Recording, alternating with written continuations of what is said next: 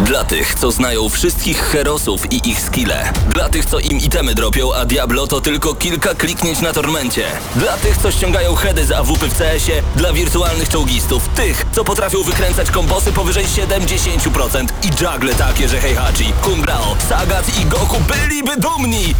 I dla tych, którzy nie mają pojęcia o czym mówię, ale lubią dobrą zabawę. Dla tych, co klikają i tych, co dzierżą pada, co na klawiaturach, joystickach i innych kontrolerach grają w gry wideo. Ta audycja jest dla Ciebie. Gramy na maksa w każdy wtorek o 21.00 tylko w Radiu Free.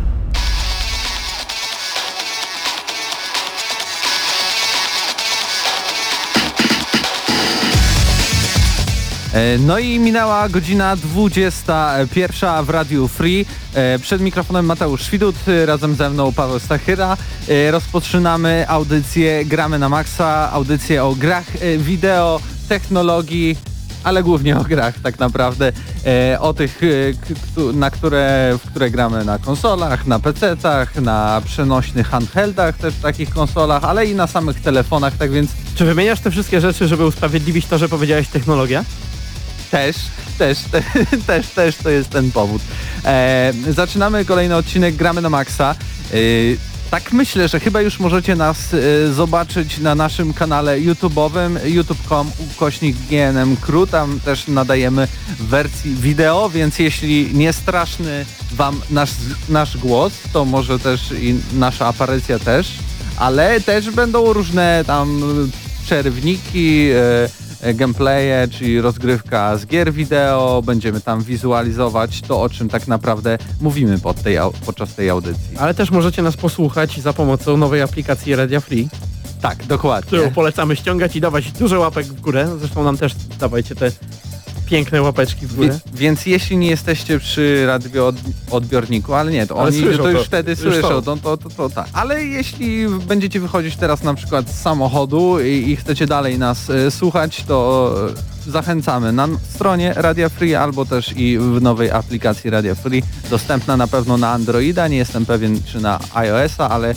na pewno jeśli nie jest, to wkrótce e, się pojawi. E, W dzisiejszej audycji recenzja, jakby największy segment to będzie recenzja Metro Exodus, e, gry o postapokalipsie, gry opowiadającej o, o Rosji po zbombardowaniu atomowym i gry, a wręcz serii, która pierwszy raz wyszła na powierzchnię. I, i tak naprawdę większa jej część czasu e, właśnie dzieje się e, Nie na zewnątrz, a nie w metrze tytułowym, e, więc to taki troszeczkę paradoks w tym wszystkim. To jest niesamowity symulator czyszczenia broni w pociągu. Tak? Tak. Tak. Pod tym względem mogę polecić. Jeżeli marzyliście kiedyś o czymś takim, Ja może trochę zdziwiony, ale tylko dlatego, że zagrałem e, półtorej, dwie godziny e, w nowe metro. E, Oddałem tobie kopię i Krzysztofowi, który też razem z nami w studiu. Oni właśnie we dwójkę dzisiaj będą recenzować Metro Exodus. Oprócz tego porozmawiamy też o premierach tego miesiąca, co, co pojawi się w marcu. Duże tytuły już nadciągają, między innymi nowy Devil May Cry, The Division, a także kilka innych tytułów, których Sekiro. już nie pamiętam. No Sekiro, taka gra. eh, taki Taka- indyczek, nie? Taki indyczek. Nie no, na pewno wszyscy fani Dark Souls, e, trudnego, e, trudnej rozgrywki, e, kombinowania i walczenia będą e, zadowoleni. Jeśli... Niezłych hitboxów. Tak, Widziałem, widziałem gameplay ostatnio. Ta gra naprawdę super płynnie wygląda, jeżeli chodzi o to, jak, jak operujemy naszymi narzędziami mordu. Tak więc jeśli lubicie takie rzeczy, to na pewno i polubicie Sekiro. E, dodatkowo e, też będzie taki e, segment, e, przypomnij mi Pawle, bo już mi wypadło z głowy, o czym jeszcze w tej audycji będzie? Z całą pewnością za chwilę jeszcze powiemy o newsach newsshocie. Właśnie, I właściwie to już teraz do, tam zmierzamy, zanim demencja całkowicie ogarnie umysłu Mateusza. No tak, ale właśnie, bo przed chwilą nagrywaliśmy również GNM+, więc pokrótce możemy powiedzieć, co w GNM+, e, e, się działo. E, rozmawialiśmy o nowej grze z Uniwersum Gwiezdnych Wojen, e, bo w tym roku debiutuje. Grę produkuje studio odpowiedzialne za ostatni hit w branży gier wideo, czyli Apex. Legends. Y, Grę pobrało już ponad 50 milionów użytkowników w niecały miesiąc, więc no takie Red Dead Redemption 2 to może się schować. Ale pamiętajmy, że Apex Legends jest y, darmową grą zarówno na konsole, jak i na PC, więc y, też nie można się dziwić, że mm, po prostu łatwo pobrać sobie grę, która jest darmowa i nawet jeśli nam się nie spodoba, no to po prostu usuwamy z dysku i, No tak. i idziemy To sobie jest, dalej. to jest ciekawe studio z ciekawą historią i dodatkowo ciekawi ludzie nad tym pracują, ale więcej o tym e, w Gamma Maxa Plus. No i też troszeczkę wspomnimy o tym przy okazji e, News Shotu. A poza tym mówiliśmy jeszcze o nowych Pokémonach, które ogłoszono parę dni temu. I będą się one nazywać, Sword and Shield.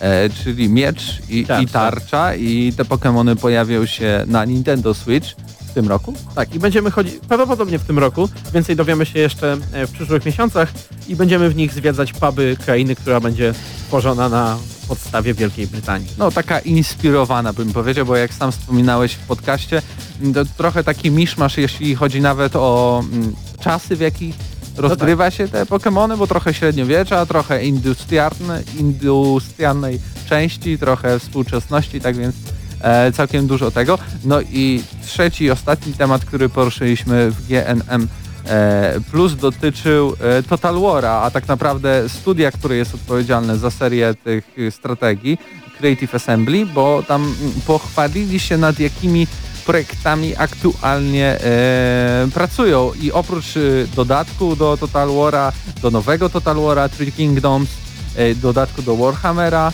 e, drugiego, mm, pracują nad nową grą FPS. Z czterema grami właściwie łącznie. No tak. Mają nowego FPS-a w świecie, w którym jeszcze się e, wcześniej e, nie bawili, więc nie wiemy jeszcze co to może być.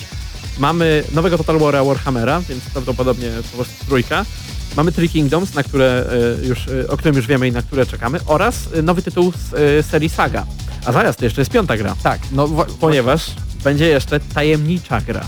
E, Podobno to jest Total War, ale to nie jest Total War, jeżeli chodzi o gatunek. Ma być gra w innym gatunku.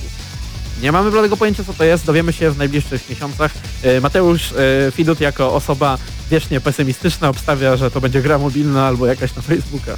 Ale to jest całkiem prawdopodobne. No, jeśli chcesz łatwych pieniędzy, no to robisz grę na Facebooka, y, na mobilki, e, czyli na telefony, albo nawet przeglądarkowo, bo ostatnio nie mówi się dużo o tym, ale naprawdę gry przeglądarkowe, jeśli wziąć udział gier w ogóle e, elektronicznych, e, taki całościowy, to one, mimo że on spada, to nagle nadal to jest coś około 30%, więc no sporo. Gry Nie mobilne widać- 50%, już masz 80% rynku e, samych gier, które, o których zazwyczaj nie mówimy, bo tak zazwyczaj nie szanujemy.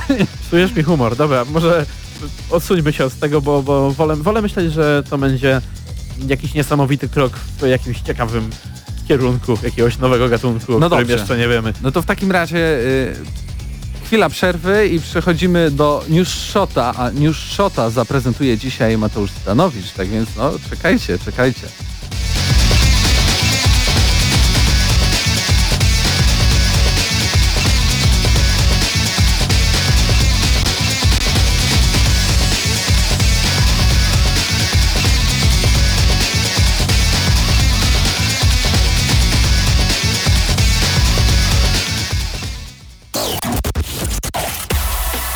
Gramy na maksa.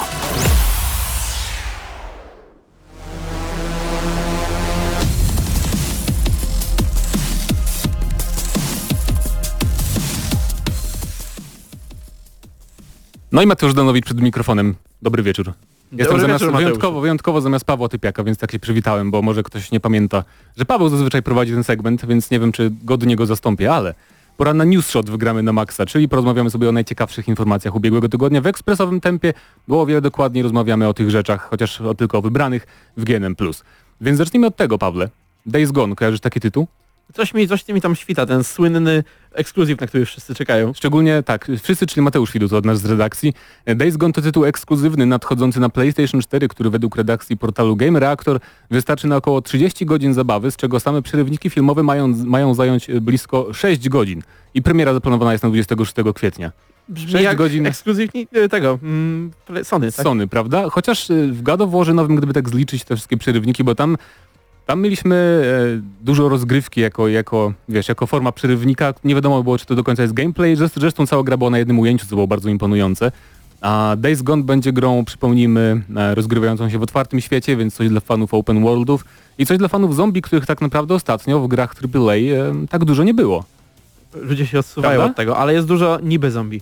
Ale Mm. każda gra, w którą ostatnio grałem, miała jakiś rodzaj totalnie nie zombie. Niby zombie, tak jak Metro Exodus na przykład. Na przykład. który ma coś w stylu zombie, ale jest, ja powiem szczerze, że czekam z takim leciutkim zainteresowaniem, ale to nie jest gra na pewno, którą chcę ograć na premierę, bo wydaje mi się trochę zbyt, jakby to powiedzieć, żeby to nie zabrzmiało zbyt krytycznie, ale no może nie powiem nic To jest ten taki razie. zapomniany kuzyn, o którym nikt nie myśli, Po kiedy prostu- słyszą ludzie o Ghost of Tsushima, o Death Stranding, o The Last of Us 2 i tak dalej. No tak, ale mimo wszystko to jest chyba jed, jedna taka większa premiera Sony w tym półroczu, poza mniejszym Dreams, e, w którym będziemy tworzyć własne sny, więc zobaczymy jak to wyjdzie.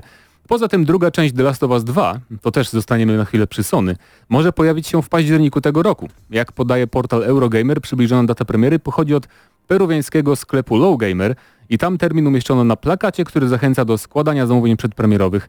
Oczywiście nie wiadomo, czy informacja jest prawdziwa, niewykluczone jednak, że sprzedawca uzyskał dostęp do szczegółów, których na razie publicznie nie ujawniono, ale pospieszył się z prezentacją materiałów promocyjnych i tutaj przypomnijmy o tym, co się bardzo, bardzo podobało, czyli Destination PlayStation. O matko, ta nazwa wróciła do mnie. Ale pamiętasz, co to było? To było jakby pokaz organizowany przez Sony dla właśnie Dla sprzedawców. inwestorów, dla... Tak. I to jest o tyle ciekawe, że faktycznie, bo właśnie ta data pochodzi niby z plakatu, który był w sklepie jakimś tam w Peru.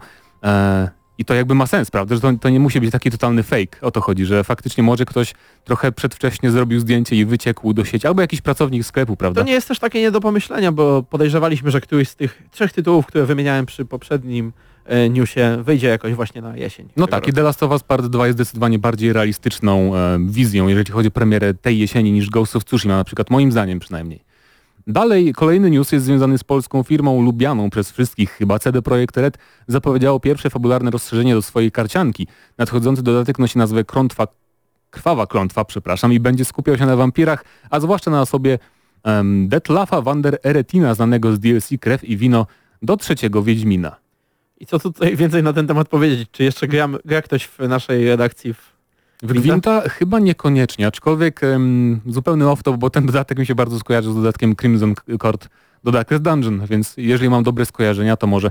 To jest o, tyle ciekawe, że... Czy to mm, będzie Darkest Dungeon wśród karcianek? Możliwe, ale chodzi mi o to, że Gwint nie doczekał się dawno tak naprawdę takiego, wiesz, dużego rozszerzenia, które by wprowadzało, Mm. tematycznego powiedzmy, wiesz, no tak, tak, jak ma Hearthstone. ale, ale też y, Gwint dopiero co przechodził ten wielki kolejny Restruktu- zresztą, restrukturyzację tak, kolejną wielką restrukturyzację i zmianę w ogóle zasad gry, więc można to uznać za taką zmianę. No zobaczymy. Może już teraz się będą trzymali tej jednej wizji, którą y, stworzyli i teraz rzeczywiście wydawali takie bardziej tematyczne dodatki. Tak, na pewno fani Gwinta mają na co czekać.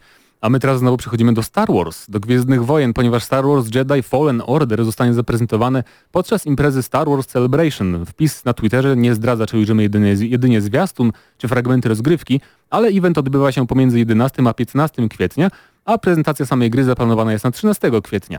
Co ciekawe, Chris Avellon, scenarzysta Knights of the Old Republic, między innymi, bo też scenarzysta New Vegas i wielu innych gier, zdradził na Twitterze i LinkedInie, że pracował również właśnie nad nadchodzącym Fallen Order, co jest no, nad tym się jako naczelni fani studia Obsidian w Polsce dosyć się e, podniecaliśmy tą informacją. oraz jego byłych pracowników. To jest pełna nazwa. No tak, tak, dokładnie o to chodzi, ale w każdym razie Fallen Order to jest, pogadaliśmy trochę na plusie właśnie na ten temat, to jest bardzo interesujący projekt, no bo em, wyjątkowy dosyć jak na EA, ponieważ EA wyda grę w 100% singleplayerową, więc to jest, jakby tak spojrzeć na ich gry związane Tak. ze Star Warsami, to do, do tej pory były tylko Battlefronty jednak. Co więcej, wydawano przez studio, które zrobiło bardzo dużo bardzo fajnych gier. Trzy ostatnie ich tytuły były mm, od rewelacyjnych do dobrych, więc mamy tutaj Apexa i dwa poprzednie Titanfall, a to są też weterani serii Call of Duty. To jeszcze z tych czasów, kiedy Call of Duty było tą przełomową serią, która, która naprawdę była takim... Tak jest, bo to są ludzie, którzy tworzyli kiedyś trzon e, studia Infinity Ward, więc to są ludzie, którzy też robili głównie jednak gry, no może nie głównie multiplayerowe, ale jednak nie robili czysto singlowej gry, więc to będzie na pewno coś interesującego, ale też... No, Też to jest z trzeciej osoby gra. tak, z gra TPP, więc- przypomnijmy Fallen Order, wiadomo tylko tyle, że to ma być gra e, akcji trzecioosobowa i użyjemy tam miecza świetlnego, więc może coś dla fanów Jedi Knight.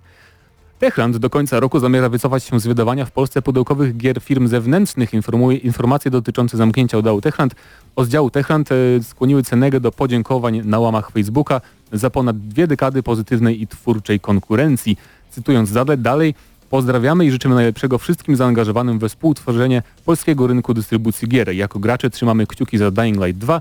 Nie możemy się doczekać, więc mamy taką trochę smutniejszą powiedzmy informację, że Techland właśnie zamyka ten swój dział mm, wydawniczy. Techland, przypomnijmy, wydawało teraz m.in. Metro Exodus czy Dirt Rally 2, więc produkcje, które się ukazały e, dosłownie teraz, niedawno na, na, polskim rynku i no cóż, szkoda ludzi, którzy stracą pracę z działu Techland Wydawnictwo, aczkolwiek warto zaznaczyć, że bo niektórzy się przejmowali właśnie co z Dying Light 2 na przykład, to jednak jest osobny twór, osobny byt w Techlandzie i e, produkcja gry nie została w żaden sposób zagrożona. Jeszcze jeden news dotyczy Gearbox Software, ponieważ ta firma, twórcy Borderlands, ma zamiar zaprezentować nieujawnione dotąd tytuły. Tak sugeruje opus, opis firmy na panelu dotyczącym imprezy PAX IZ 2019.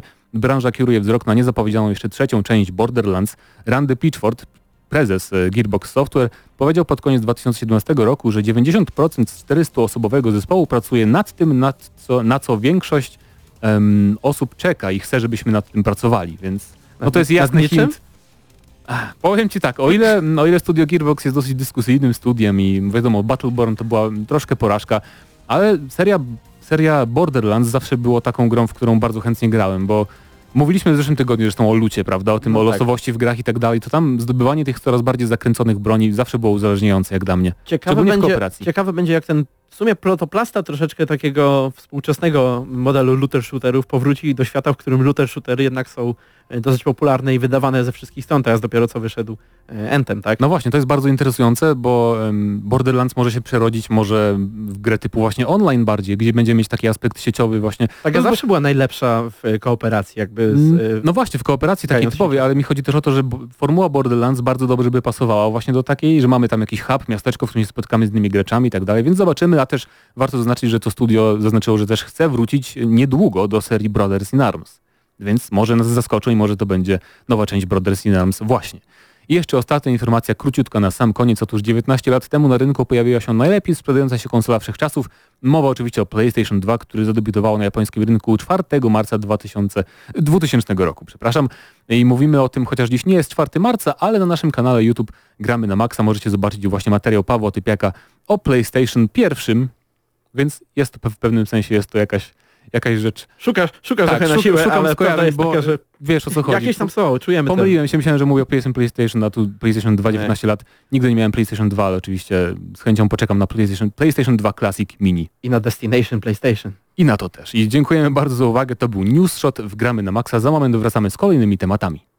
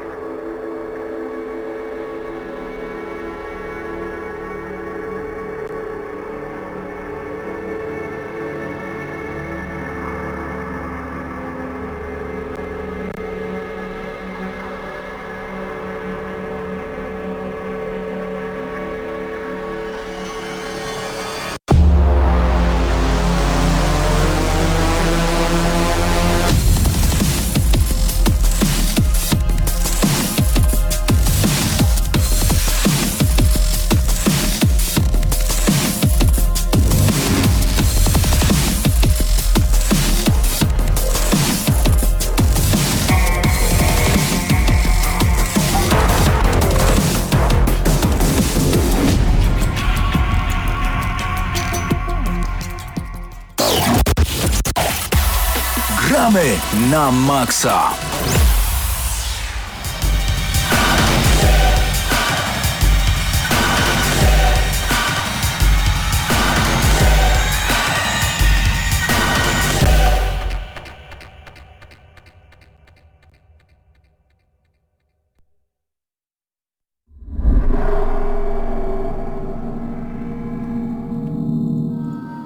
No i wracamy y, do Gramy na Maxa. Przed nami teraz taki segment, w którym porozmawiamy sobie o, y, o Goldzie, o PlayStation Plus, ale zanim y, zaczniemy to, to mam teraz tutaj informację od naszego jednego z najwierniejszych fanów, od Doniu i on chciałby bardzo pozdrowić i też złożyć najserdeczniejsze życzenia, do których my też również się przyłączamy jemu, jego koledze z pracy Dominikowi, wielkiemu fanowi e, God of War'a. E, Podobno nas e, w tym momencie e, słucha, tak więc e, wszystkiego najlepszego z okazji, e, nie wiem, chyba 20 urodzin, tak więc e, 18 razy kilka. e, razy kilka. Zazwyczaj tego nie robimy, ale no Doniu jest naszym naprawdę słuchaczem od wielu, wielu lat, tak więc e, pokusiłem się jednak tym razem o spełnienie jego prośby. Ale wracajmy właśnie do segmentu Games with Gold i PlayStation Plus e, i w tym tygodniu zostały zapowiedziane obie te, oba te, e, abonamenty e, i powiedz, e, co ciekawego się w nich znalazło. Generalnie rzecz ujmując, e, miesiąc do najmocniejszych nie należy, mimo że wydawało się, że wraz z usunięciem gier z PlayStation 3 i z Vity z, ab z, abonamentu od Sony e, dostaniemy jakieś mega tytuły najwyższej możliwej, z najwyższej możliwej półki, jak zresztą same Sony zapowiadało wysyłając e, setki maili do różnych dziennikarzy. No ale tak się niestety nie stało, zarówno od e, niebieskich, jak i zielonych otrzymaliśmy gry dobre, ale nie rewelacyjne i o tych grach słów kilka dla Was, czy warto w te abonamenty w danym miesiącu zainwestować i od której konsoli chciałbyś zacząć? E, może zaczniemy od Xboxa, bo o Xboxie nic nie słyszałem, a o PlayStation Plus e, co, coś mi się tam pojawiło i ja bym powiedział, że jednak taką mikrobombę rzucili, jeśli chodzi o jeden z, ty- z tytułów, ale o tym oczywiście za chwilę. To nic, jak mówimy o e, Xboxie, to e, cztery gry standardowo, jak na dany miesiąc, e, od 1 do 31 e, 1 marca, pora na przygodę, czyli gra na podstawie serialu wyprodukowanego przez Cartoon Network. Nigdy nie grałem w tę grę. y, Generalnie jej oceny są dosyć średnie na internetowych portalach typu Metacritic, więc tytuł bardziej skierowany dla fanów tego serialu. Z tego co wiem, e, to jest taka trochę, trochę postapokalipsa, trochę takie przemycenie mrocznych y, kwestii do kwestii e, bajki animowanej, więc dla fanów tego, tego, tej produkcji od Cartoon Network na pewno coś wartego uwagi. No i zdecydowanie bardziej znany tytuł, jeżeli chodzi o, o gry wideo, czyli od 16 do 30, e, od 16 marca do 15 kwietnia e, Plants vs. Zombies Garden Warfare e, 2 w Goldzie. No i to jest e, całkiem fajna gra. Generalnie, jeżeli kojarzycie Plants vs. e, Plants vs. Zombies, to to była mm, e, takie trochę tower defense, a EA w pewnym momencie postanowiło zrobić z tego strzelankę na modłę swoich innych gier i tam było tak, że mm, ta strzelanka była dynamiczna, głównie multiplayerowa, ale też zawierała pewne etapy dla pojedynczego gracza. Każda z, każdy z y, tych, tych roślinek powiedzmy miała odpowiednie umiejętności, zachowywała się trochę inaczej na polu bitwy. Ehm, bardzo mocnym plusem tej gry jest to, że można, można w niej grać e, w koopie na jednej kanapie i zarówno dla młodszych graczy, no bo to jest strzelanka, prawda, bez tej agresji, bez, bez, bez krwi i tak dalej, więc ona jest raczej skierowana do młodszych graczy, ale też starsi będą bawić się świetnie.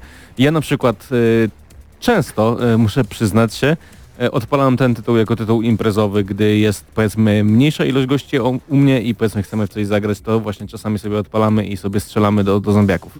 Ciekawa informacja, bo plotki sugerują, że tym roku zobaczymy Garden Warfare 3 tak naprawdę od DICE zamiast y, Battlefielda, jako że Gwiezdne Wojny y, te, tym razem przyjęło właśnie Respawn, o którym już dwa razy wspominaliśmy w audycji, tak więc no może to jest właśnie idealny moment na to, żeby sobie przypomnieć dwójkę. Ja i- też mnie to trochę i zastanawia, bo, trójkę. bo ta gra też nie zastarzała się jakoś bardzo yy, i może to, że ona wyląduje w usłudze Golda, to trochę ją ożywi, to znaczy gracze do niej wrócą, yy, serwery starają się- staną się pełne i tak dalej, bo yy, no wydaje mi się, że trochę od premiery minęło i pewnie odjazd yy, graczy od tej gry yy, był dość duży na inne tytuły, na przykład bardzo popularny Apex teraz, e, więc dodanie darmowej strzelanki multiplayer na pewno sprawi, że, że gracze do niej wrócą. No i fajnie, bo, bo moim zdaniem to, to jest gra warta uwagi i jeżeli powstanie trzecia część, to na pewno na pewno mnie to ucieszy, bo zarówno w jedynkę, jak i dwójkę grałem. No a jak już wspomniałeś o Star Warsach, to w, we wstecznej kompatybilności w abonamencie Gold od 1 do 15 marca pojawi się Star Wars Republic Commando i Zupełnie nie pamiętam tego tytułu. A ja ci- powiedziawszy, ja- ja- ja jest ci powiem, że RPG, ja w tę grę zagrałem żeby cię nie skłamać, ze 3 lata temu może, czyli no długo, długo po jej premierze i to jest taka, mm, taki trochę liniowy shooter, gdzie wścielamy się w, w takiego standardowego żołnierza y, Republiki, y, klona powiedzmy, tak? I no, jest to taki oskryptowa oskryptowany shooter. E, Patryk Cisielka jest w ogóle wielkim fanem tej gry, więc musiałem o tym wspomnieć i on w ogóle poleca zagrać tę grę, więc jeżeli nie ufacie mi, że to może być do, dobra gra, to zaufajcie jemu. E, no z tym, że ta gra się dość mocno zestarzała i, i to jest jakby we wstecznej generacji do pierwszego Xboxa, więc wyobraźcie sobie, że no graficznie na pewno nie, nie sprawia takiego wrażenia, e, ale gameplayowo Ym, jeżeli lubicie takie oldschoolowe strzelanki, to na pewno wam przypadnie, a dla fanów Gwiezdnych Wojen to myślę mm, jest obowiązek, bo trochę przedstawia cały ten konflikt, cały ten świat trochę z innej perspektywy niż walka tam rycerzy Jedi i powiedzmy Sithów i tak dalej. No ostatni tytuł. Ostatni tytuł, o którym ty wiesz najwięcej, bo chyba go nawet recenzowałeś, z tego co pamiętam. Chyba. I- Wiem, że na pewno grałem. Czyli Metal Gear y, Rising y, Revengeance, tak chyba to się czyta? Revenge. Revengeance, tak? y, Szczerze powiedziawszy, 16 nie, nie, nie, wi- 31 nie widzę marca. z daleka tak naprawdę. No o Tak tej, dobrze. grze, o tej grze ja w zasadzie nie wiem nic, więc oddaję głos tobie. E, Ja zdecydowanie polecam, jeśli ktoś lubi podejście do takiego tematu, to nie jest klasyczny Metal Gear Solid, tylko to jest e, Metal Gear, w którym chodzi o dużo ciachania, du dużo z takich slasherowego ujęcia, więc to jest może bardzo dobry tytuł e, przed nowym Devil May Cry'em. A a propos, słyszycie w tle takie może trochę dziwne dźwięki, dziwną muzykę, ale właśnie od początku tego segmentu e, gra nam e, soundtrack, e, czyli ścieżka dźwiękowa z Devil May Cry'a piątki, który teraz już będzie miał wkrótce premierę za dwa tygodnie, ale o tym jeszcze będziemy mówić. A propos ciechania, A jest taka dygresja. Tak, tak, a propos, a propos ciachania, więc Ale ale po- jeśli lubicie DMC, to i, i w to możecie zagrać. No a podsumowując, jeżeli chodzi o ofertę Microsoftu na, na marzec i na, na ten kawałek kwietnia, no to szczerze jest dobrze, nierewelacyjnie. Nie powiem, że jest średnio, bo na przykład y, są gry, które na pewno warto zagrać. Dla każdego coś dobrego. E, w zasadzie Microsoft stara się od jakiegoś czasu wyważyć tę ofertę tak, żeby nie było powiedzmy jednego mocnego tytułu, a resztę żeby były słabe, tylko żeby dostać mniej więcej cztery gry, w które, w które warto zagrać, więc wydaje mi się, że to jest dość dobra oferta na ten miesiąc. Ale przechodząc do konkurencji, do niebieskich, jak wspomniałem, tylko dwie gry w abonamencie, Ale jedna ale taka... jedna mocna gra, mocna. czyli Call of Duty y, 4 Modern Warfare w wersji zremasterowanej. I to jest bardzo dobry znak, bo mm, nie dość, że ten remaster jest świetnie zrobiony, jest jakby, no wygląda zupełnie jak inna gra niż, y, niż ta pierwotna wersja. E, mam nadzieję, że ożywią się serwery mm, wieloosobowe, bo e, ta gra była w takiej dziwnej dystrybucji. Początkowo dołączana było tylko do e, Infinity Warfare, jeżeli dobrze pamiętam. Już mi się te wszystkie części No tak gdzieś tam- naprawdę była dołączona jako taka gra dodatkowa i nie można było jej kupić po prostu tak oddzielnie, ale oczywiście po jakimś czasie się pojawiła w Tak, dystrybucji później cyfrowej. pojawiła się w dystrybucji, ale nie można było, jeżeli kupiliście tę grę w, w, z, z pierwotną wersją Call of Duty, to nie mogliście sobie odpalić bez płyty, musieliście jakby e, kupić tę grę ponownie, żeby w nią zagrać i tak dalej, więc e, piętrzyły się problemy, a teraz gra będzie dostępna dla wszystkich posiadaczy abonamentu. No i cóż, to chyba przez wielu uznawana najlepsza część e, tej serii, więc jeżeli ktoś nie grał, to wstyd i, trzeba zagrać w tę grę. E, No i przede wszystkim e, multiplayer, który jest świetny do dzisiaj, żywy, w sensie takim, że no, zagracie, odpalicie i, jakby nie odczujecie tego, że ta gra ma już ileś tam lat i że się zestarzała czy coś, bo w zasadzie no, mm, ten tryb wieloosobowy niewiele się zmienia w Call of Duty Na, i, przy- i ta, ta gra była sprawiać przyjemność. takim przełomem, który sprawił, że gry multiplayer y, strzelanki wyglądają y, tak właśnie wszystkie, bo to wszystko dzięki właśnie Modern Warfare e, jedynce, a właśnie, bo i plotki wskazują, że w tym roku nie zobaczymy nowej części Call of Duty takiej klasycznej, tylko właśnie remaster Modern Warfare 2, czyli kontynuacji jedynki, tak więc też może być e, dobry powód y, do tego, e, żeby sobie odświeżyć, jeśli na jesień będziecie Kampania- chcieli zagrać. Na pewno warta uwagi no, skupia się oczywiście na czasach współczesnych. E, jeżeli ktoś lubi Kapitana Price'a, a nie grał jeszcze w tę część, no to naprawdę serdecznie polecam i ja z chęcią sobie do tego wrócę. No i The Witness, czyli taka logiczna gra mm, osadzona w widoku z pierwszej osoby. E, też wielokrotnie nagradzana, znakomity tytuł, więc tak naprawdę e, dwie gry, jedna bardziej znana, inna mniej, dwie świetne tytuły. No, No, i d- dla indyków to też taki, wiesz, taki, ta- taki tytuł ikoniczny tak naprawdę, jeśli chodzi e, o gry konsolowe i gry niezależne. Więc przez wielu gra uznawana za bardzo trudną. Y, Ja jeszcze w The Witness nie grałem, ale na pewno dzięki abonamentowi e, sobie spróbuję. No i tak naprawdę ciężko powiedzieć, że nie warto e, próbować gier dostępnych w abonamentach w tym miesiącu, bo obie platformy e, udostępniają nam gry, w które mm, albo powinniśmy zagrać wcześniej, albo warto zagrać je teraz, jeżeli wcześniej w nie nie graliśmy, więc e, podsumowując, na miesiąc marzec jesteśmy rozpieszczani przez, przez obu wydawców. Dokładnie. A my teraz zrobimy taki jeden bardzo ciekawy myk i, i przechodzimy do premier tego miesiąca.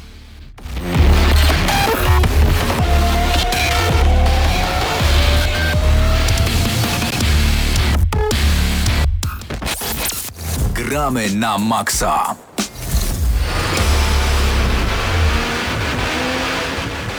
E, No i mamy marzec, y, mamy tak naprawdę y, 5 marca, tak więc y, czas y, w Gramy na Maxa, aby opowiedzieć o grach, y, które w tym miesiącu y, pojawią się w naszych czytnikach, y, czy to na pulcie, czy też y, w dystrybucji cyfrowej, ale na pewno w nie zagramy. I Krzyśku, od jakiej produkcji tym razem zaczynamy? Szczerze, dla mnie ten miesiąc nie jest tak wybitny jak luty, to znaczy luty był pełen premier, pełen gier, w które ja chciałbym zagrać, ale na pewno y, na marzec są dwie najgłośniejsze premiery, o których musimy wspomnieć, czyli o Sekiro Shadow Twice Die, die Twice. Die razy. Twice No bo oraz- możemy tam dwa razy umrzeć, to taka em, odmienność od Dark Souls, nie? Tam Oraz umieraliśmy raz, Jak już dwa. wcześniej wspomniałeś o kolejnej części e, Devil May e, Cry. No i na pewno trzecim z głośnych tytułów na ten miesiąc będzie The Division 2, ale zacznijmy może od, od Sekiro i co nam możesz o tym powiedzieć? E, ja miałem okazję grać w Sekiro na e, ostatnim Gamescomie e, w sierpniu e, ubiegłego 2018 roku. Nie powiem, że, czy, że jestem jakimś fanem Dark Souls. Bym powiedział wręcz, że te gry nigdy jakoś specjalnie do gustu mi nie przypadły, bo po pierwsze nigdy nie mam na tyle czasu, żeby im poświęcić, a wychodzi tyle wspaniałych gier, więc e, ten wolny czas raczej chciałbym przeznaczyć na inne tytuły, które nie są aż tak bardzo absorbujące. A po drugie jakby y, w jakim klimacie one były rozgrywane, y, jak one jednak sprowa- sprowadzały się do tego, że prezentowały ci trudność i twoją rozgrywką, rozrywką i rozgrywką dla ciebie powinno być rozwiązywanie tej trudności, to jednak do mnie nie trafiało. Sekiro jest podejście podobne, ale też troszeczkę inne, bo po pierwsze możemy umrzeć dwa razy, jak sam tytuł e, mm, tutaj nam sugeruje, ale także to są bardziej takie e, mm, świeci słońce w końcu w tym świecie twórców Dark Souls, y, tra, trafiamy y, y, do, do Azji i tak feudalnej więc, Japonii. Do, do feudalnej Japonii. E, tak więc jeśli chodzi o podejście, nawet sama rozgrywka i, i, i walka jest bardziej plastyczna.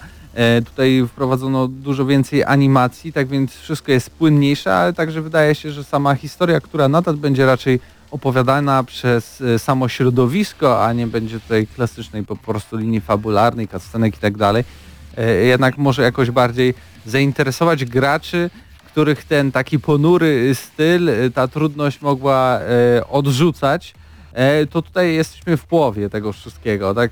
Ta gra może być bardzo trudna, ale też może nam sprawić dużo radości i nie być aż tak bardzo wymagająca.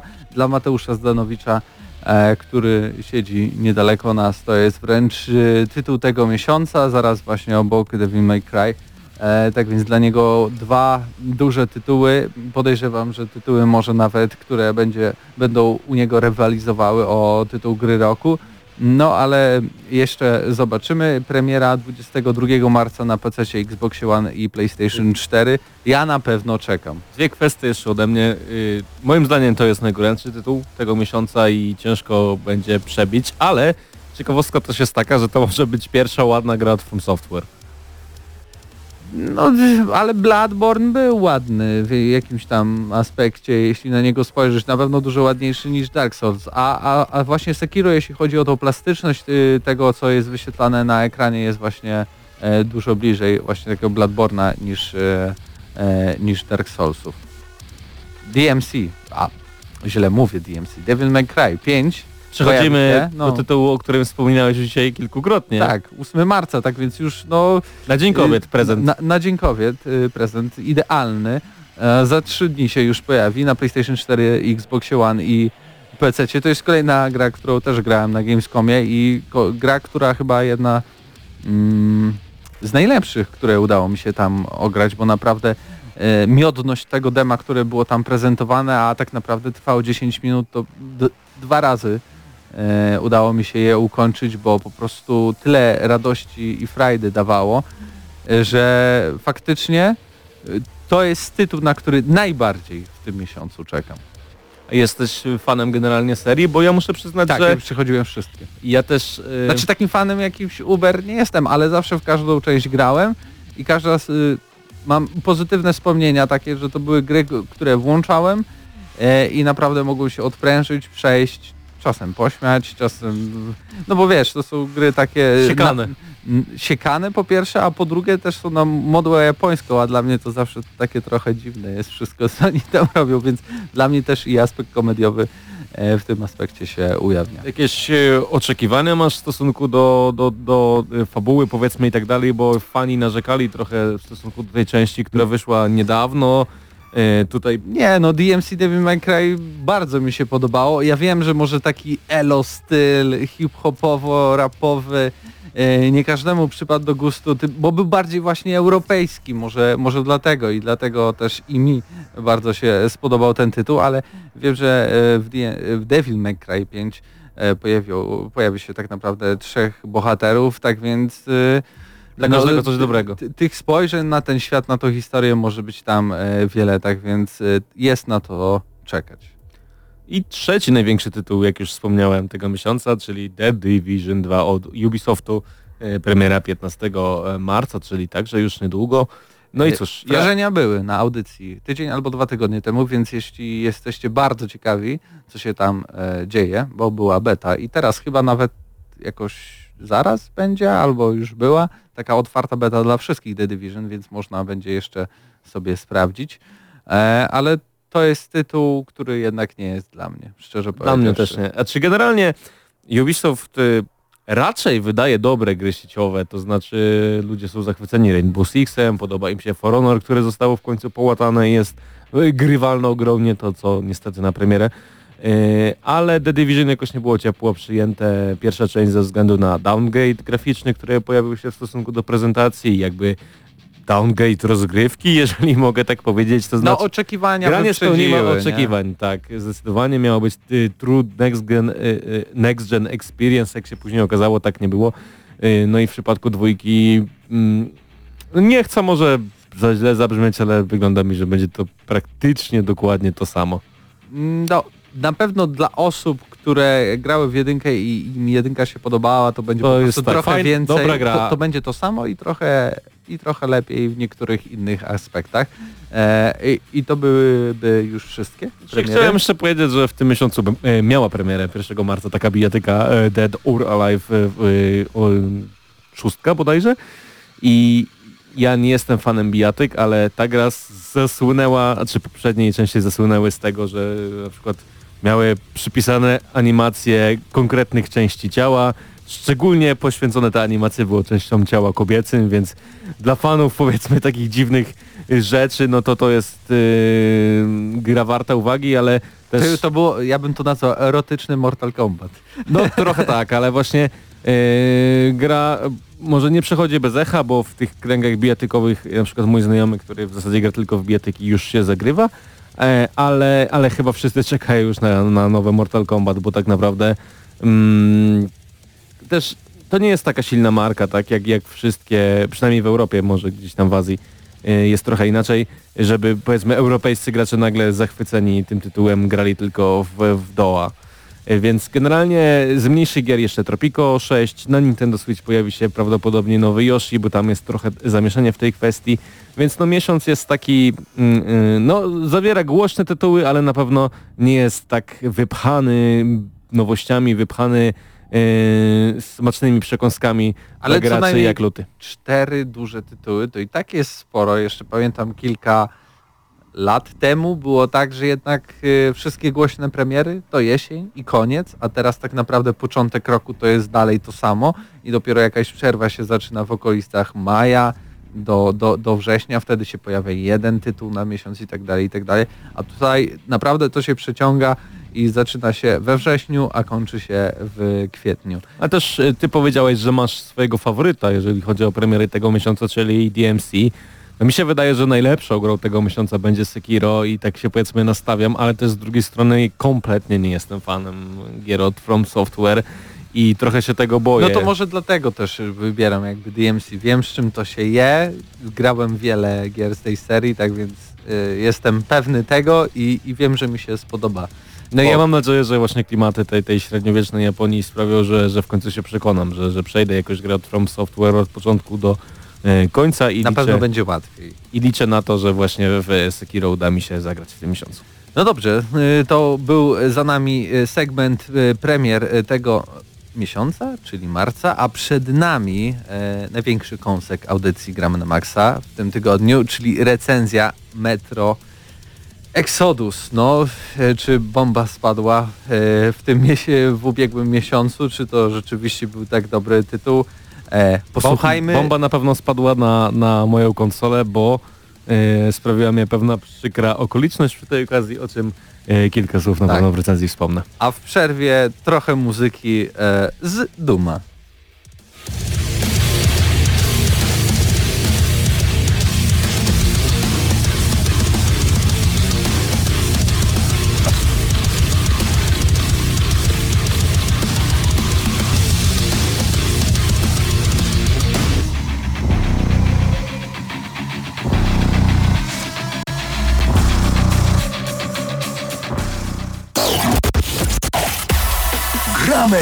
Na maksa.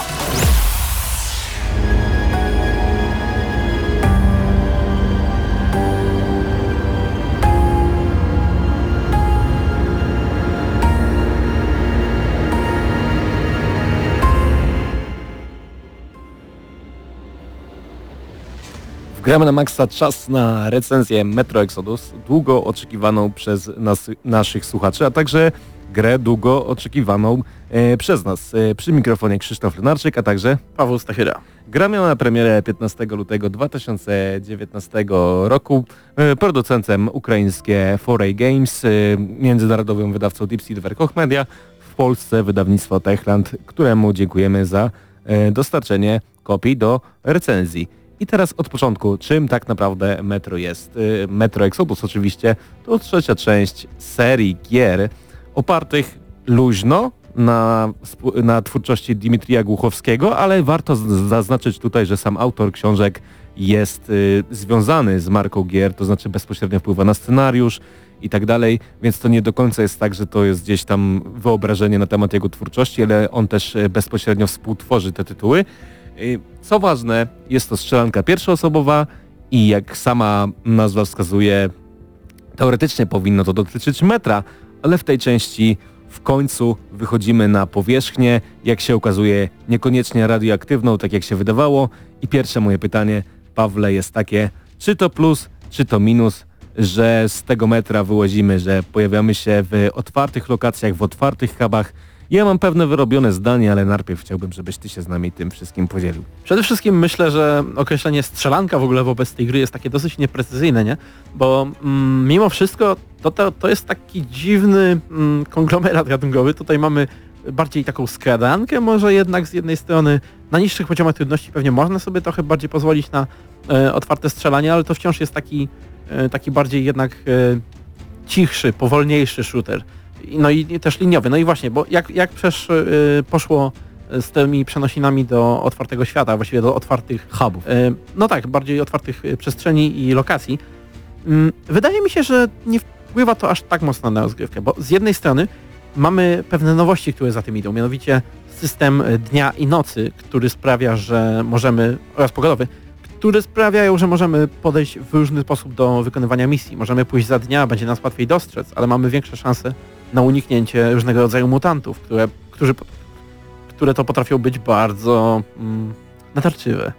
Natomiast z drugiej strony możemy udać się do jakiejś lokacji w nocy, ale wtedy raz, że ciężej my widzimy, dwa, że wszędzie jest dookoła pełno mutantów, a dodatkowo jeszcze jak nas e, dorwie jakiś deszcz, czy burza, śnie, burza piaskowa, czy innego rodzaju burza, nie będę tutaj spoilował lokacji następnych, no może być, może być e, ciężko, ciężej też dla nas. Nie czuję tego, żeby to było znowu tak, aż taka wielka różnica względem poprzednich metr, bo o ile mamy rzeczywiście tą każdą z tych lokacji taką troszeczkę otwartą i możemy zmierzać e, w różne miejsca i wykonywać e, nasze cele w różnej kolejności, to prawie zawsze kończy się tak, że już będąc w jakiejś lokacji jesteśmy mm, zamykani w ramach jakiejś takiej bardziej, liniowe, bardziej liniowych segmentów, tak? To znaczy, mm, na przykład mamy tą otwartą mapkę, wchodzimy do magazynu, gdzie naszym zadaniem jest powiedzmy coś tam odnaleźć, coś tam przełączyć i nagle okazuje się, że wpadamy tam gdzieś w jakąś dziurę i musimy jednak przez taką lokację jak w poprzednich metrach się przebijać, więc sądzę, że to jednak aż tak bardzo na rozgrywkę nie wpływa, a pozwala nam zamiast tego zobaczyć, jak zdolni są jednak ci ludzie w tworzeniu przepięknych lokacji, bo mamy naprawdę bardzo różnorodne e, miejscówki. Ale z drugiej strony wpływa to trochę na tempo gry moim zdaniem, bo gra jest dużo wolniejsza niż poprzednia część Last Light i wynika to też z tego, że świat jest otwarty i y, z góry mamy pokazane powiedzmy gdzie mamy iść, żeby daną misję, swoją drogą fantastycznie napisane misje, jedne z najlepszych, najlepiej napisanych y, oskryptowanych misji w ogóle jakie widziałem, y, jak się wykonuje, ale nie tylko y, powiedzmy, lo- lokacje są duże i trzeba przejść ten kawałek, ale też e, Artium dziwnie się porusza, w pewien sposób trochę wolno, e, strzela też trochę wolniej i no, wydaje mi się, że e, to trochę spowalnia tą rozgrywkę. Nie wiem, czy to było celowe, bo e, niedawno e, w ogóle pojawił się patch na konsolę, który teoretycznie te wszystkie ruchy ma przyspieszać, ale tak w gruncie rzeczy w ogóle mi to nie, nie przeszkadzało. Chociaż e, mówisz, że nie do końca zmieniło to klimat poprzednich części gier z serii Metro. Moim zdaniem trochę zmieniło, ale może nawet na plus, bo w pewnym momencie grania w poprzednie dwie części byliśmy zamknięci w tych wszystkich lokacjach i może mieliśmy trochę tego dość, tej ciasnoty, tego wszystkiego. Teraz dostaliśmy trochę otwartych przestrzeni i możemy też e, zauważyć, a nie tylko przeczytać w innych książkach z uniwersum, nie tylko tych głównych, jak świat wobec tej wojny nuklearnej e, wygląda. Wspomniałeś też, że wygląda graficznie to wszystko fantastycznie, no i tutaj warto zwrócić uwagę, że to jest jeden z najładniej wyglądających FPS-ów na PlayStation 4, jaki wyszedł, ale mm, w, na przykład w projekcie lokacji, w broniach, w teksturach, ale ma też na przykład bardzo duże minusy, jak y, mimika twarzy, która nie jest tak super wykonana. E, i Nie zgodzę się akurat z tym, y, ponieważ wydaje mi się, że twarze, z którymi czasami jest problem w grach, bo często słyszymy o, jakimś, o jakiejś Andromedzie czy czymś takim, nie? I tam zwykle największym problemem jest to, że te twarze nie są żywe. A tutaj twarze oraz to, jak one wyglądają, kiedy się poruszają, mimo wszystko ma w sobie życie, bo może to jest jednak w oczach tutaj troszeczkę. Oczy wyglądają rewelacyjnie i przez to jakby cała twarz wydaje się wiarygodniejsza. No ale nie wiem, ja się jednak z tym nie jestem w stanie zgodzić, bo naprawdę wydawało mi się, że jeżeli chodzi o mimikę, o wygląd, nie miałem problemu z modelami. Ale też w związku z grafiką y, pojawiają się tutaj malutkie glicze obecne we wszystkich otwartych grach, to znaczy jakieś tam kolizyjne, że ktoś wpada w ścianę y, i tak dalej, ale no trudno, żeby to się nie zdarzało w tak dużej grze jak Metro. Jakbym miał y, wybrać to, co mi się najbardziej podoba w tej grze, to to, jak wyraziste i żywiołowe są postacie. E, Postacie, których naprawdę można by napisać osobne książki, w które możemy się wczuć. I cała ta historia, fabuła podróży, bo podróżujemy tutaj przy pomocy pociągu, to już wiadomo, bo pojawia się w okładce i w różnych materiałach Aurora. I cała ta historia podróży nie byłaby tak y, świetna, nie byłaby tak wciągająca, gdyby nie postacie, które się w niej znajdują. I chciałbym, żebyś yy, może odniósł się trochę do tego, bo dla mnie na przykład taki Jeremak, no to to jest jedna z najlep- najlepszych postaci w tej grze. Postać, która buduje klimat, y, jej teksty, szczególnie gdy gra się z rosyjskim dubbingiem, bo wydaje mi się, że to jest chyba jedyny słuszny wybór. To jest obowiązkowe. Mm, Gdyby nie było opcji zmienienia tego, to bym w ogóle grał, e, gdybym musiał grać po angielsku, to na pewno bym obniżył ocenę, bo nienawidzę Amerykanów e, udających, e, albo Brytyjczyków udających, że mówią po z, z rosyjskim akcentem. Natomiast jeżeli chodzi o postaci, najbardziej rzuca się w oczy fakt, że one są napisane jak takie żywe postaci. To niekoniecznie są mega ciekawe. Nie każda z nich jest jakby wyróżniająca się, tak? To nie ma tak, że mm, że każdą z tych osób można opisać nagle, o taka, pam, jednym słowem, dwoma słowami, bo niektóre z nich to są po prostu zwykli, szarzy ludzie, ale tutaj bardziej chodzi o to, w jaki sposób y, ta relacja między nami a nimi jest budowana. My czujemy się jak taka jedna wielka rodzinka jadąca tym y, pociągiem. On jest, ten pociąg, on jest w ogóle bardzo taki, y, raz, że klimatyczny, ale on jest bardzo wygodny. W tym znaczeniu, że ko kojarzył mi się na przykład z uczuciem, które mieliśmy grając w Gotika, gdzie wracając z, z, z lasu, gdzie padał deszcz, był środek nocy, byliśmy trochę przerażeni, tam godziły nas jakieś potwory. Potem wchodziliśmy do obozu i nagle jest cieplutko, słyszymy granie na gitarze. Fizycznie się czuło tą różnicę i tak samo jest w metrze. Wchodząc z powrotem do naszego pociągu, spotykając te postaci, które, z którymi podróżujemy, fizycznie czuliśmy się lepiej i trochę tak bezpieczniej bym powiedział. I to jest na pewno osiągnięcie, jeżeli chodzi o, o przedstawienie tych postaci. Generalnie zgadzam się z tym, co mówisz, że, że ta żywiołowość, może nie żywiołowość, to poczucie tego, że te postacie są takie realistyczne w tym y, postapokaliptycznym świecie, no wpływa bardzo, bardzo pozytywnie na odbiór tej gry. Ale jakbym miał wskazać jeden minus tego wszystkiego, to do dzisiaj zastanawiam się, dlaczego artem w tej grze jest niemy. Tak, to jest niezrozumiała w ogóle decyzja, bo on nie jest do końca niemy. Otóż nasz bohater nie odzywa się w czasie gry, ale w czasie cutscenek, kiedy y, ładujemy grę, albo kiedy, znaczy nie w czasie cutscenek, tylko w czasie ładowania Loadingów. gry, tak, y, czyta on tak jakby podsumowanie tego, co się ostatnio wydarzyło.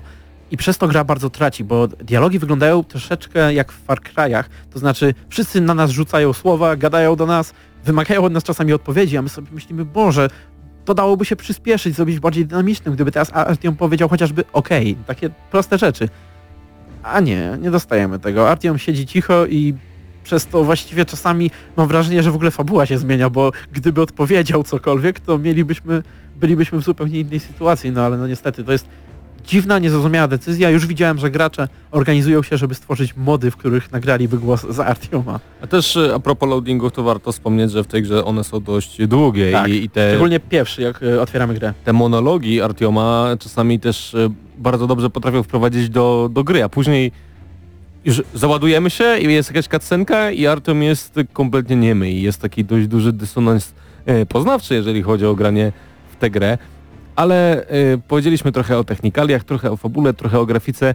Mm, To ja może powiem teraz o takiej rzeczy, która mi się niemalże podobała najbardziej, bo nie byłoby, nie byłoby tego całego klimatu, nie byłoby skradanki, powiedzmy strzelanki, gdyby nie możliwość modyfikacji swojego ekwipunku i przede wszystkim y, mam na myśli modyfikacji broni, bo ona jest niewielka w swoim aspekcie, ale jest na tyle znacząca, że w zasadzie mi y, bardzo dużo minut zajmuje, zaplan- y, chcę na przykład wykonać jakąś misję, za odbić obóz bandytów e, i bardzo długo się zastanawiam, czy na przykład chcę mieć tłumik na rewolwerze, czy chcę mieć y, celownik kolimatorowy, czy chcę mieć, powiedzmy, zamiast rewolweru, z rewolwera zrobić snajperkę albo z kałacha i tak dalej.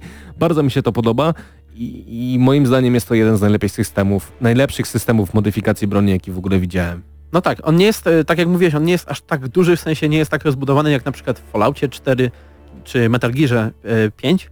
Natomiast e, to wynika też z tego, że ta gra nie próbuje być w żaden sposób RPG-iem. I to mnie bardzo cieszy, bo bardzo nie chcę widzieć elementów RPG na siłę wciskanych do gier, tak jak niektórzy, niektóra konkurencja, że tak się wyrażę, to robi. Mm, ta gra ma to, czego. Ma tyle, ma tyle elementów przy tej wymianie, ile, ile potrzebuje i nie dodaje nic więcej. Yy, Ponadto możemy modyfikować naszą broń w dowolnym momencie. Po prostu zdejmujemy plecak i zaczynamy grzebać przy naszym pistolecie przy, czy przy naszej strzelbie, co jest rewelacyjne, bo niczego nie nienawidzę w takich grach bardziej niż to, że jestem gdzieś tam już daleko, jakoś tam niesamowicie na drugim końcu mapy, ale nie mam sprzętu, którego potrzebuję i musiałbym trekować przez całą mapę do końca z powrotem do, do głównej bazy, żeby wymienić broń. Ta gra pozwala w locie nam y, każdą naszą broń zmodyfikować. Wszystkie y, modyfikacje nosimy przy sobie, więc nawet jak podniesiemy coś, to możemy broń podniesioną nat- natychmiast przerobić na taką, jaką chcemy, tak? I tak naprawdę, jeżeli chodzi o tą broń, to tam nie mamy też y, ograniczeń jakichś wielkich poza systemem brudzenia się, bo ta broń w zależności od tego, gdzie przebywamy, tutaj na jakiejś pustyni czy tak dalej, ona się brudzi, zaczyna nabierać kurzu i tak dalej i przez to coraz gorzej strzela, coraz częściej się zacina. I to, to jedyne, jedyne, co nas zmusza tak naprawdę raz na jakiś czas, żeby wrócić do stołu takiego warsztatu i naprawić. I też warto wspomnieć o tym, że te części, z których yy, modyfikujemy broń, ale nie tylko, bo pancerze i elementy swojego uzbrojenia też, zbieramy na mapie gry. I nie, nie powiedzmy, nie jest tak, że zbierzemy nie 30 śrubek i z tych 30 śrubek zrobimy tłumik do broni, tylko musimy zebrać tłumik z broni, która, którą znajdziemy na mapie na przykład, albo celownik, albo coś takiego i dopiero potem możemy ją wsadzić do swojej broni. To jest bardzo fajny system, bo też zmusza nas trochę do eksploracji e, tych lokacji, które są świetnie e, zaprojektowane. Wspomniałeś o tym, że bronie się brudzą, maska potrafi się psuć, kombinezon zresztą też, to, to trzeba na bieżąco nap- naprawiać, chociaż mnie osobiście trochę śmieszyło, jak maskę przeciwgazową zalepiałem plastrem. tak, ale to, to jest takie bardziej wizualne tutaj. Te gry mają, dużo, mają sporo elementów właśnie takiego survivalu i nie wiem jak y, ty, ale ja czułem od tej gry mocno klimat y, takiej gry, przy której twórcy z pracowali wcześniej, czyli Stalkera. To troszeczkę jest taki Stalker dla ludzi, którzy czekają na tego Stalkera 2, aż wyjdzie.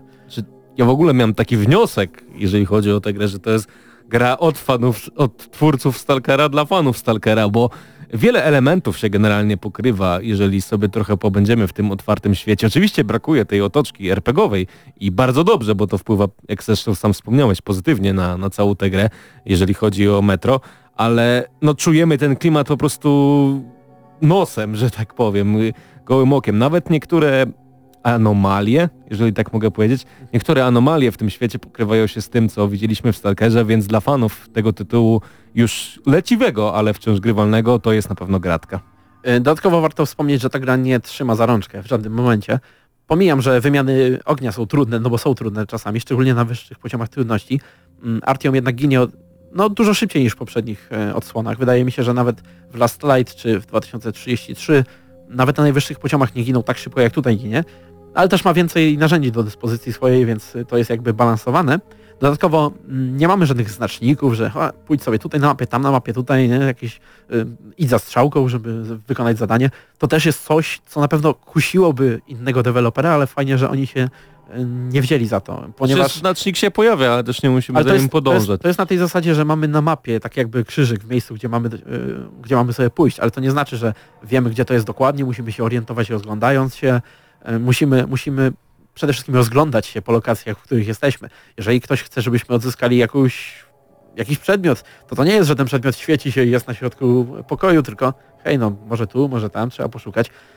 I to, to jest na pewno ten element, który dużo budował, bo on nas zmuszał też, żebyśmy się y, w, specyficzne lokacje udawali w, y, jakby z nastawieniem jakimś, nie? To tak jak mówiłem, wchodzi, wchodzę do budynku, chcę odnaleźć tam jakiś kawałek lokomotywy, czy tam dryzynkę, a tu nagle się to przeradza w, jakąś wielki, w jakiegoś wielkiego boss fighta, którego się nie spodziewałem i to jest, to jest też bardzo fajne.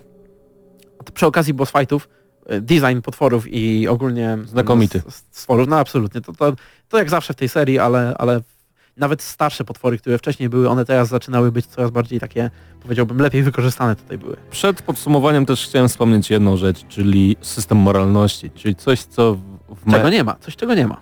No powiedzmy, ale y, generalnie Metro słynęło z tego, że miało dwa zakończenia, dobre i złe.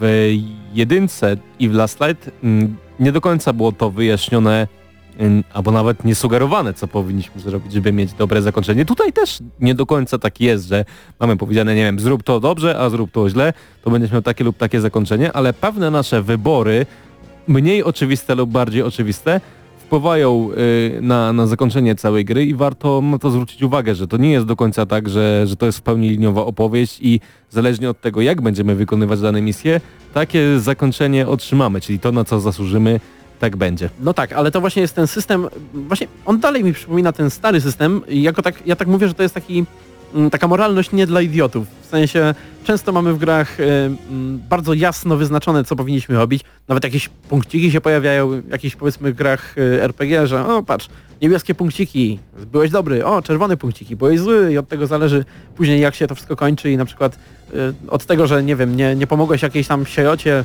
na jakiejś, w jakiejś lokacji w ogóle nie, nie, nie związanej z niczym, to na końcu wszyscy giną. A tutaj tak nie ma. Tutaj wszystko, co się dzieje, jest przyczynowo-skutkowe i gra jakby nie, mm, nie mówi ci tego, że hej, podjąłeś zły wybór, tylko jakby sam to oceniasz. Ja tak naprawdę mm, dopiero kiedy na pewnym etapie gry usłyszałem, że ktoś mógł zginąć, nie? że ktoś prawie zginął, sobie pomyślałem, ej, zaraz, zaraz, zaraz, tu jest też system jakiś taki tego i sobie wygooglowałem szybko, żeby zobaczyć, rzeczywiście, mogłem tutaj zawalić, nie? I to mm, no na pewno nie będzie, nie wiadomo co powinniśmy zrobić, ale, ale to jest y, jakby komunikowane przez gameplay, to znaczy sami powinniśmy rozumieć, tak, że no hej, ci ludzie tutaj mieszkają, może lepiej ich nie mordujmy masowo, może lepiej przejdźmy obok. A Tak. też y, dużo rzeczy można wywnioskować z takich po prostu prostych ludzkich dialogów, które są wykonywane czasami z załogą, a więc y, to nie jest taka oczywista oczywistość, ale czasami oni są w stanie coś tak wspomnieć albo napomknąć i tobie jest w stanie się ta lampka nad głową zapalić. A inna rzecz, że dialogi e, jakby jako takie, znaczy dialogi, ogólnie udźwiękowienie, jeżeli chodzi o, o, o NPC-ów, jest świetne, bo na przykład kiedy walczymy z przeciwnikami mm, w jakiejś większej lokacji, to nie jest tak, że ktoś nas zauważy już wszyscy o nas wiedzą, tylko ktoś krzyknie do kolejek i ten następny krzyknie dalej to jakby rozchodzi się po tej większej lokacji informacja o tym, że tu jesteśmy. Co więcej, jak się skradamy, a tu się dużo trzeba, trzeba skradać, wiemy na przykład kto nas zauważył, no bo na przykład słyszę ktoś krzyczy tam w oknie, no to już wiem, że ktoś mnie przez okno zobaczył i już wiem, z której strony jakoś się tam oglądać. I to jest, to jest naprawdę rewelacyjny system. Tutaj bym chciał się trochę do AI odnieść, bo o ile AI miewa pewne dziwaczne quirki i Na problemy przykład takie, potrafi się ustawić plecami do ciebie. No tak, ale to tak- ale mi się wydaje, że to raczej jak jesteś trochę dalej albo, albo jak, jest, jak, jak się składasz, no nie wiem. Natomiast y, generalnie AI sobie daje radę, szczególnie potwory, które zachowują się naprawdę jak taka porządna watacha wilków. Y, u- nie, nie biegną na ciebie, nie szarżują, jeżeli widzą, że masz przewagę ogniową. Starają się ciebie okrążyć.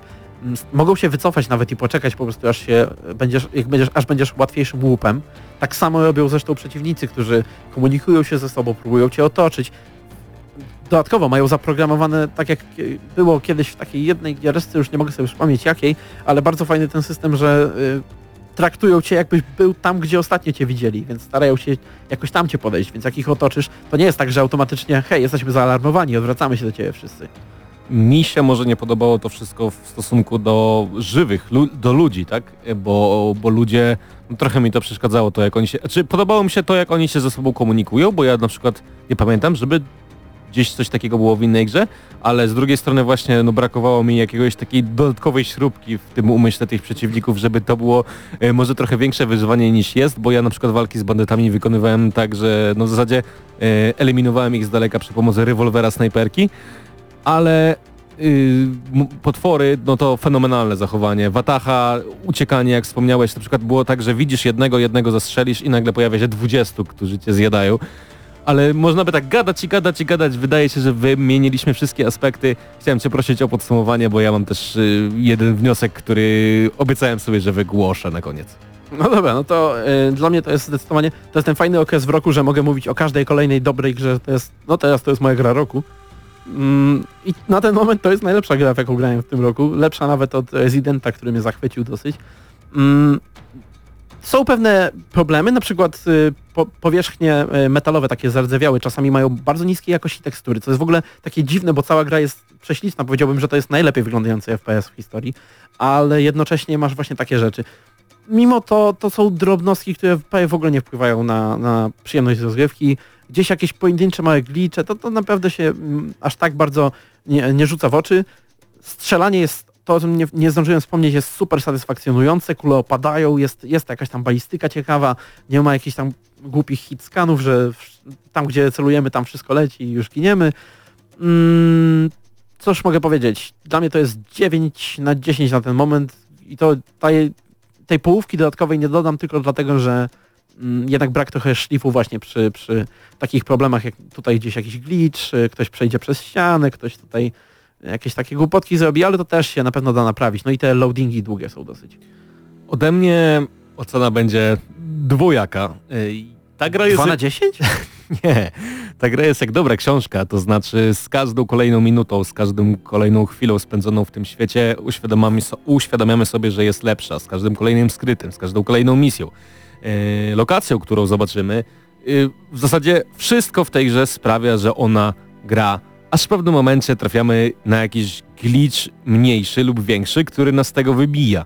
Ja miałem problem z glitchem takim, że w pewnym momencie gra mi się zasejwowała, gdzie nie mogłem ani przycelować ze swojej broni, ani użyć maski przeciwgazowej, ani oświetlenia, ani nic takiego. I okazało się, że y, ten bug, który wystąpił, pojawił się zarówno w moim save'ie, jak i save'ie wykonanym przez grę. No i przez to niestety nie byłem zmuszony do grania dwóch, trzech godzin gry od początku i No takie... tak, bo gra ma jednego save'a, warto zaznaczyć. Poza autosave'em możemy wykonać tylko jednego ręcznego save'a, co też wpływa jakoś na klimat, bo się zastanawiamy jak to zrobić. No dokładnie, ale w związku z tym przez ten błąd, który wystąpił, no musiałem zacząć przygodę od nowa i wydaje mi się, że w tak wysokobudżetowym tytule, yy, może nie aż tak jak wszystkie, nie wiem, największe gry, ale takie błędy nie powinny występować i powinny być łatane na poziomie premierowym i nawet nie pomogła właśnie łatka, która, która pojawiła się niedawno na, na konsoli i trzeba było zaczynać wszystko od nowa, ale mimo to bawiłem się świetnie. Ta gra to jest bardziej... Mm, bardziej dla fana Stalkera niż dla fana Metro. Fan Metro też znajdzie dla siebie oczywiście mnóstwo różnych smaczków, które sprawią, że w tę grę chce grać. Nie spoilując powiem tylko tak, im dalej, tym bardziej metro. I mimo tego wszystkiego, co powiedziałem, czyli bardziej wymieniłem plusy niż minusy, jestem skłonny e, tej grze wystawić ocenę 8+, ty wystawiłeś 9, więc uśrednimy ocenę na Do 9, 9. bo gra naprawdę jest tego warta. Więc 9 na 10 dla Metro Exodus od Gramy na Maxa i dziękujemy Techland za dostarczenie kopii do recenzji.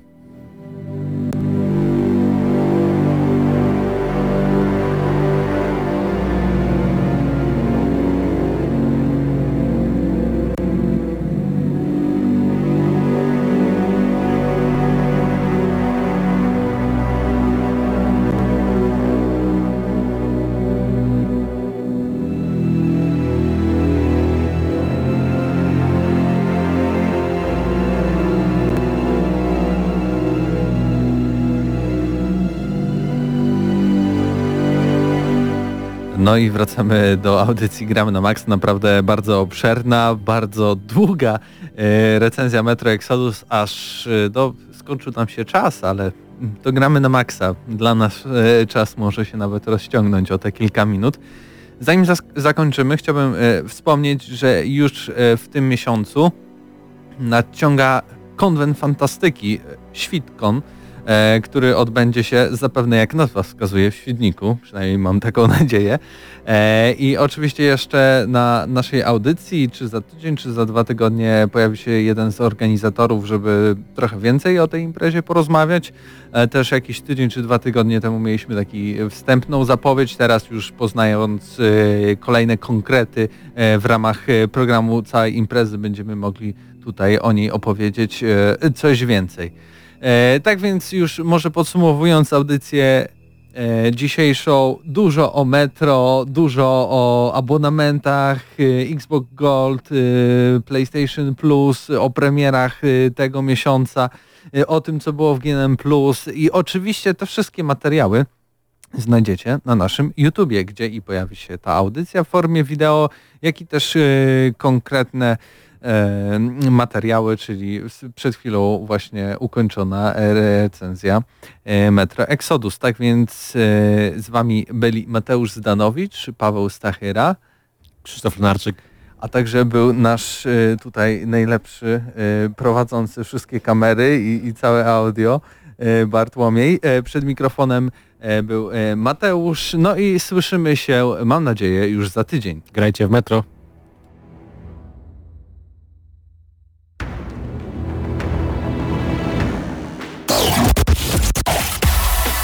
Gramy na maksa. Dla tych, co znają wszystkich herosów i ich skille. Dla tych, co im itemy dropią, a Diablo to tylko kilka kliknięć na tormencie. Dla tych, co ściągają heady z AWP w CS-ie. Dla wirtualnych czołgistów. Tych, co potrafią wykręcać kombosy powyżej 70% i juggle takie, że Heihachi, Kung Lao, Sagat i Goku byliby dumni. I dla tych, którzy nie mają pojęcia o czym mówię, ale lubią dobrą zabawę. Dla tych, co klikają i tych, co dzierżą pada. Co na klawiaturach, joystickach i innych kontrolerach grają w gry wideo. Ta audycja jest dla Ciebie. Gramy na maksa w każdy wtorek o 21.00 tylko w Radiu Free. Radio Free. 89,9 Lublin. Hity non-stop. Radio Free.